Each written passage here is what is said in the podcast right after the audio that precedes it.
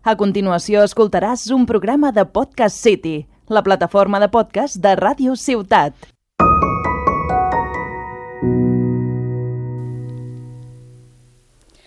Bona tarda. Benvinguts i benvingudes a Postals Antigues, el podcast que parla de la Tarragona d'antes a Ràdio Ciutat de Tarragona.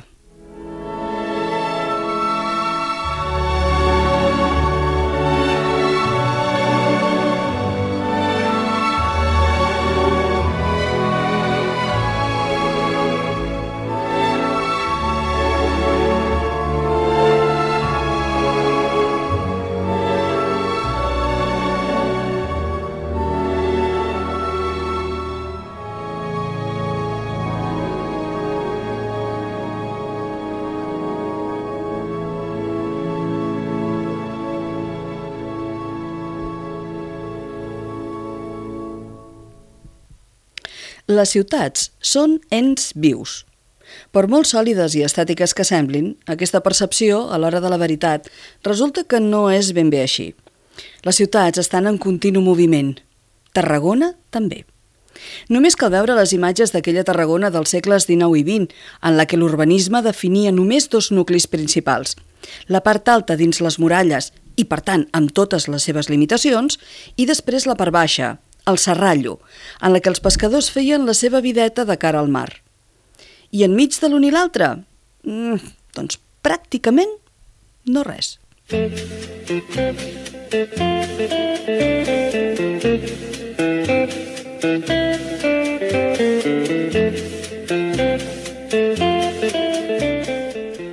Ara fa la mar de goig caminar pel centre de Tarragona i passejar per la Rambla fins a tocar ferro, anar a comprar al Mercat Central, passar per tots els carrers comercials de l'Eixample tarragoní, no sé, el carrer Canyelles, Unió, el carrer Colom, la plaça Corsini... Sí, ja sé, ja sé, ja sé. Ja sé que em direu que hi falta neteja, que hi falta il·luminació, que podria ser una ciutat més amable amb més zones verdes... Sí, tot això ja ho sé. Però si anem a comparar, això és un lliri-lliri. Parlem de la plaça Corsini, precisament, que antigament s'havia dit la plaça del Progrés. Aquest és un bon exemple del que us deia, que les ciutats tenen la seva ànima canviant, perquè d'aquí a no gaire aquesta plaça tan cèntrica, tan important, tindrà ben bé un altre aspecte i es convertirà en un emplaçament agradable i molt més amable del que ja és ara. Ja en parlarem també quan toqui.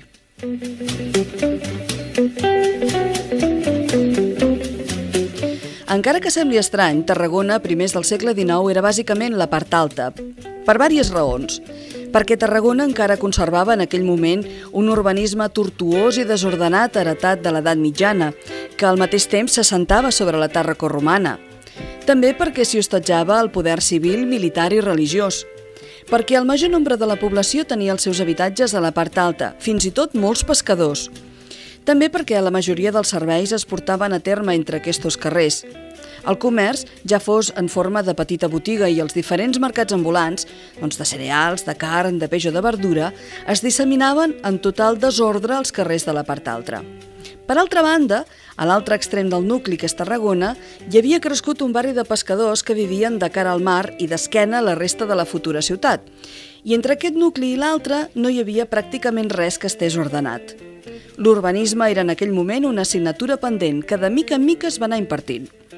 Una de les imaginacions més preclares en aquest aspecte va ser la d'un sol persona, d'una sola persona, en Josep Maria Pujol i de Barberà.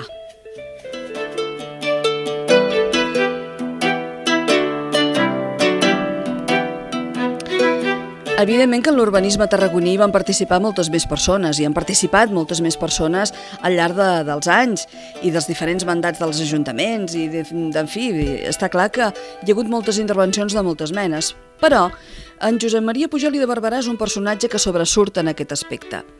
Us explico qui és. Va ser arquitecte municipal i una de les personalitats més influents i una de les que van tenir més clar quina havia de ser la configuració urbanística de Tarragona tal com la coneixem avui. Això, el fet de que sigui una persona amb una ment tan clara, el converteix en un personatge interessantíssim, mereixedor del podcast d'avui. La seva obra és extensíssima a tot Tarragona i més enllà, i el va convertir, sens dubte, en un dels millors arquitectes modernistes que ha tingut el país. Pujol i de Barberà va fer el Pla Urbanístic de Tarragona l'any 1922 i va marcar les directrius del que hauria de ser l'eixample de la ciutat. Tot un visionari en la seva època.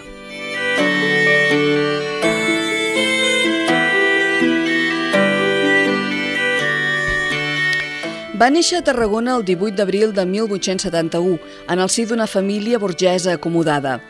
Va passar l'adolescència a la seva ciutat nadiua, Tarragona, on va cursar estudis de batxillerat en arts. Es va formar com a arquitecte a l'Escola Superior d'Arquitectura de Barcelona i va obtenir el títol el 30 de juny de l'any 1892. L'exercici final de carrera va ser el projecte del Museu Arqueològic per Barcelona. Quan va acabar els seus estudis en Pujol de Barberà, entre els anys 1893 i 1897, el van anomenar arquitecte d'Hisenda de les delegacions de Barcelona, Múrcia, Granada i Còrdoba. I no va ser fins l'any 1897 que va guanyar la plaça d'arquitecte municipal de Tarragona, lloc que va ocupar, de forma intermitent, això sí, fins al setembre de l'any 1939.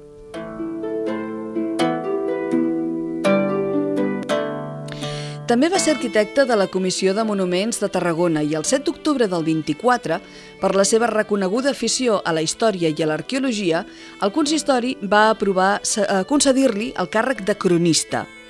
Tanmateix, i suposo que això el devia enfadar moltíssim, uns mesos després l'Ajuntament va designar en aquest càrrec a Joan Salvat i Bové. Sigui com sigui, a partir de l'any 27, en Pujol i de Barberà va ser l'arquitecte del Banc d'Estalvi i de la Construcció. Durant aquests 42 anys d'exercici com a arquitecte municipal, se'n va desvincular, com us deia, dues vegades d'aquest càrrec. La primera, a l'abril de l'any 1908, eh, va presentar ell mateix la dimissió després de eh, la caiguda d'una casa al carrer Trafalgar, concretament al número 71, al barri del Serrallo. Això li va valer la inhabilitació. I la segona vegada va ser per motius ideològics durant la Guerra Civil.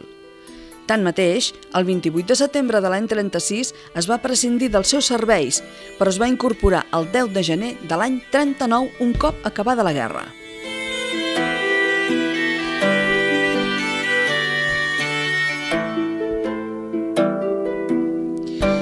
Pujol i de Barberà va experimentar amb tots els estils arquitectònics del seu temps. Per exemple, l'edifici de l'Escorxador, que és de l'any 1898, va destacar per l'ús decoratiu de la rajola, influència de l'escorxador de Saragossa de Ricardo Magdalena. Els seus projectes arquitectònics destaquen per l'ús del eh, neomedievalisme, encara que també va proposar alguns edificis modernistes, com ara la desapareguda Casa Güell, o de la Dinamita, com també se'n deia, que era el número 1 de la Rambla Nova. Una casa que, si veieu algunes fotografies, de fet us n'adjuntem unes quantes en el post de, de, del dia d'avui dedicat a l'urbanisme i també a Pujol i de Barberà, veureu aquest número 1 de la, de la Rambla. Era una casa molt coneguda i en deien la casa de la dinamita. La van tirar a terra i van construir doncs, l'edifici que hi ha ara.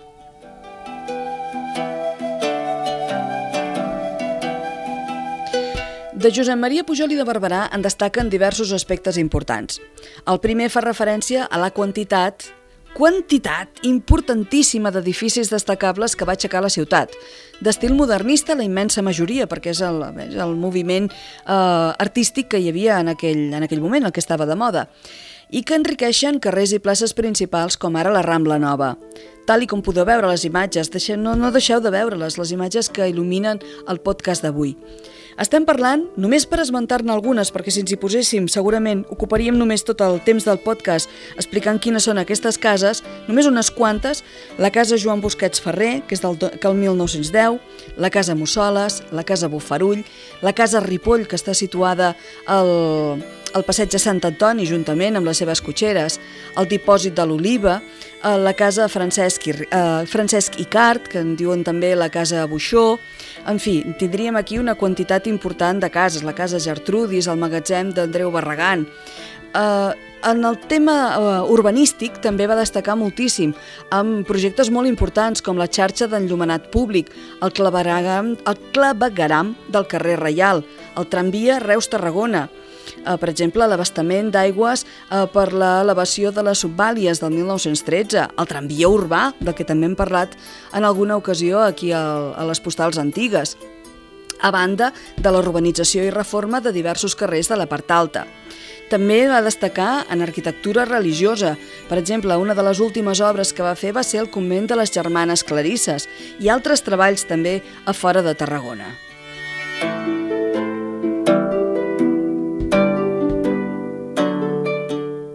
comentava això, que una de les darreres obres va ser aquest convent de les Germanes Clarisses, que és del 1948. I és que, de fet, Josep Maria Pujol i de Barberà va morir víctima d'un accident quan tornava de visitar les obres d'aquest monestir, avui Institut Municipal d'Educació de Tarragona, l'IMET, a baix de tot eh, de, del carrer Ramon i Cajal, en el petit pont que creuava la carretera de València, actual, això, carrer Ramon i Cajal sobre el Rec Major. El va atropellar una moto, i això va ser el 30 de novembre de l'any 1949. El seu enterrament va ser multitudinari, el que demostra que Tarragona li tenia una grandíssima estima.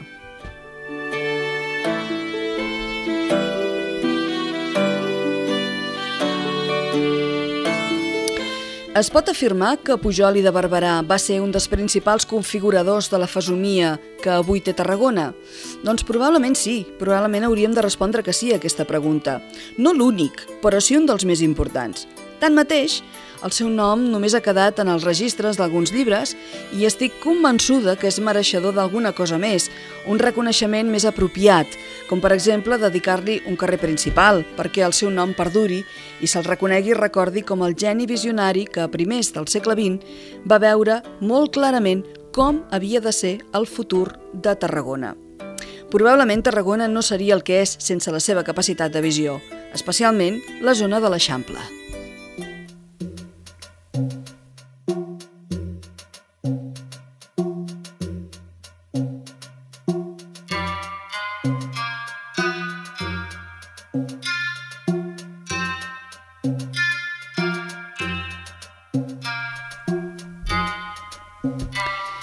Seva etapa de maduresa, Josep Maria Pujol i de Barberà va destacar pel pla d'ampliació de l'Eixample de Tarragona que, a diferència dels dissenys anteriors, es decantava per una disposició radial i no pas octogonal. A inicis del segle passat, Tarragona era una ciutat petita. Tenia aproximadament uns 23.400 habitants. Una ciutat amb una estructura econòmica tradicional configurada per l'escassa presència del teixit industrial, la importància del sector comercial que girava entorn del port i un sector de serveis dedicat a cobrir la demanda local. D'altra banda, Tarragona era capital de província, era seu arcabisbal i plaça en guarnició militar, per tant, era una plaça forta, era una ciutat important, una triple capitalitat que configurava una determinada societat i una fesomia urbana ben característica. Una ciutat que, malgrat tot, volia créixer i desitjava modernitzar-se i expansionar-se, arribant als prop de 38.800 habitants l'any 1949.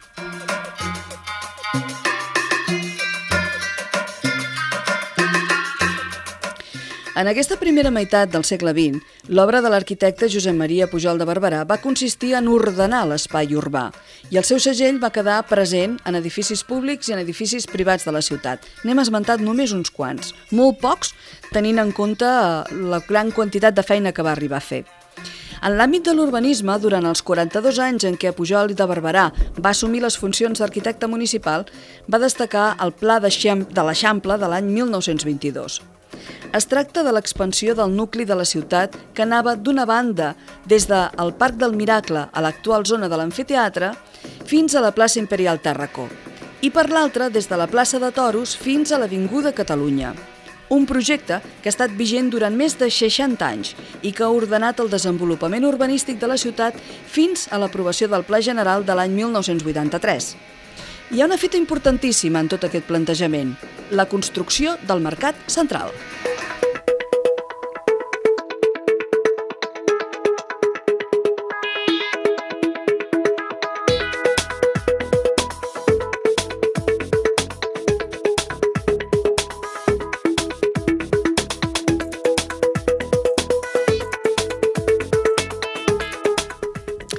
Per què és important la construcció del mercat? Doncs molt simple, perquè marca un abans i un després en l'urbanisme de Tarragona, i això està dit de seguida.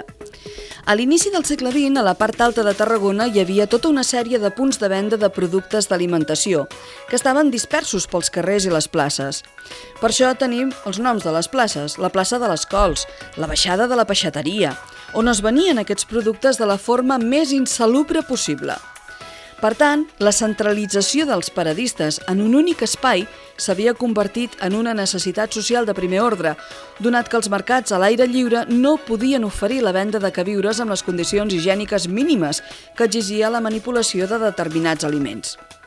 A l'hora de projectar el que seria l'Eixample de Tarragona, que va des de la Rambla Vella fins al port, i el Serrallo, Pujol va veure clarament la necessitat d'incloure un enorme i importantíssim equipament que vertebrés, donés forma, sentit i fos un pol d'atracció i de visita necessària, el Mercat Municipal.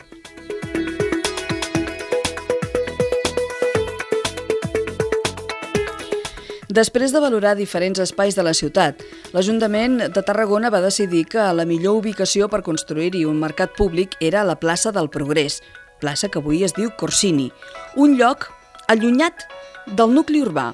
Quedeu-vos amb aquesta dada, eh? allunyat del nucli urbà. L'encàrrec de la projecció de l'edifici va recaure, com no, en l'arquitecte municipal, en Josep Maria Pujol i de Barberà.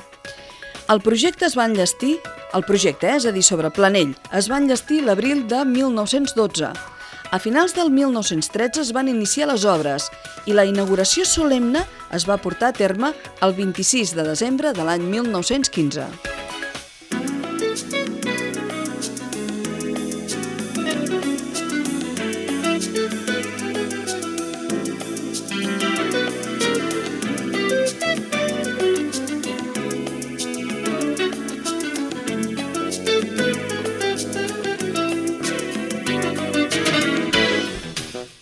En aquells primers anys del segle XX, l'estil arquitectònic que feia furor era el modernisme. Grans arquitectes com Domènec i Montaner, Jujol, el mateix Gaudí, li van donar la fama internacional i Pujol i Barberà va emprar-lo utilitzant les tècniques estilístiques que el fan tan i tan identificable. El mercat està format per una planta rectangular amb tres naus encreuades a la part central per una altra de transversal, configurant un espai de més de 2.500 metres quadrats. La coberta, en forma d'arc de mig punt, està molt bellament adornada amb rajola catalana, formant una sanefa de motius geomètrics. L'interior del mercat és igualment espectacular. Les tres naus estan adosades eh, i es subjecten per encavallats de ferro que deixen el sostre de fusta a la vista. I a la part alta de la coberta s'hi poden veure una sèrie de lluminàries en forma de vidriera que reflecteixen una llum blava provinent del carrer. I ara preguntareu, i Pujol i de Barberà d'on te la treia aquesta idea? Més enllà del, del, del model que seguia el seu l'estil que, ell, que ell dominava, que era en aquest cas el modernisme. Doncs bé, Pujol i de Barberà, a l'hora de dissenyar el Mercat de Tarragona, es va inspirar, atenció, en l'estació de metro Karlsplatz de Viena, obra de l'arquitecte Otto Wagner. Veureu les imatges del podcast en les semblances que hi ha entre la boca del metro vienesa i el mercat tarragoní i veureu que aquestes semblances són molt evidents. No deixa de ser una curiositat, però si posem el mercat en un cantó i la boca del metro a l'altre, veureu que s'assemblen moltíssim.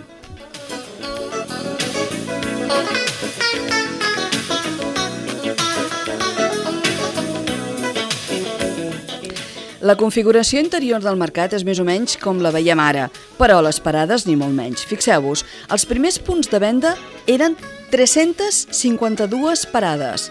Imagineu-vos la mateixa planta que tenim ara del mercat, però en comptes de les parades que hi ha ara, que n'hi deu haver 70 o 80, potser no, doncs n'hi havia 352, que es distribuïen en 8 línies paral·leles agafant tota la llargada de la nau. D'aquestes 352 parades, 160 eren de fruita i verdura, 38 de carn, 56 de peix fresc, 22 de porc, 20 de gallina morta, 12 de pesca salada, 20 de comestibles i pasta, 18 de volateria i 6 de despulles.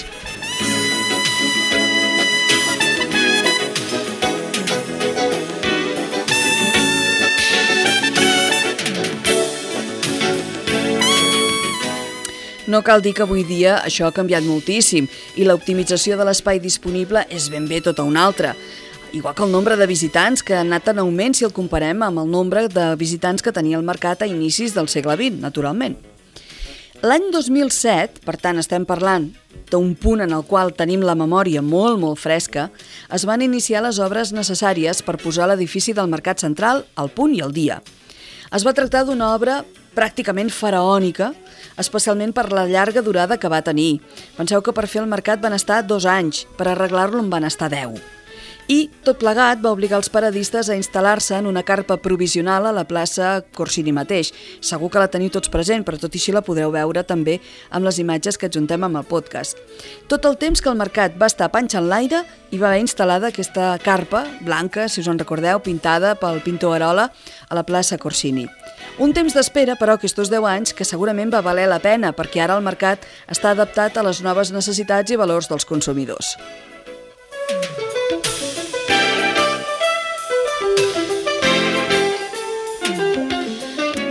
El Mercat Central representa un espai municipal com ho era el Fòrum de l'època romana. Dona la possibilitat de visualitzar i fer ressò de tot el que passa a la ciutat. En el moment de projectar-lo i de fer-lo mirar cap al futur, l'Ajuntament de Tarragona va voler que aquest equipament estigués adequat a les expectatives i demandes que els mercats més emblemàtics de Catalunya, d'Espanya i fins i tot d'Europa tenen. I avui, eh, igual com ahir, eh, fa viva la ciutat. I, a més, és un element de singularització d'una Tarragona que està, com dèiem, en continu moviment. So watch me bring the set the night light. Shoes on, get up in the morning, cup of milk, let's rock and roll. Kink out, kick the drum, rolling on like a rolling stone. Sing song when I'm walking home, jump up to the top of the brown. Ding dong, call me on my phone, nice tea and I'll get my ping pong. Fixeu-vos que hem començat amb una música pràcticament medieval i acabem amb la rabiosa actualitat. Que cutre queda aquesta fórmula a la ràdio, la rabiosa actualitat. L'Òscar riu.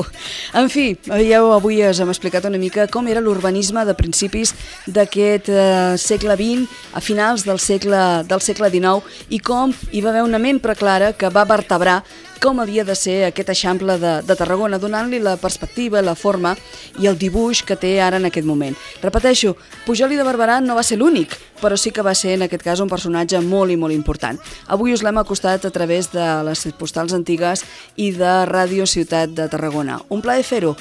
Us hem acompanyat l'Òscar Martínez. Òscar, moltes gràcies, com sempre, altra vegada.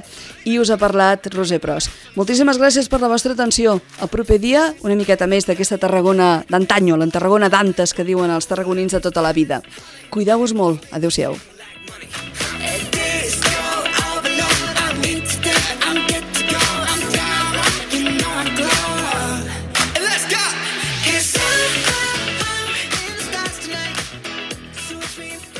Has escoltat un programa de Podcast City, la plataforma de podcast de Ràdio Ciutat.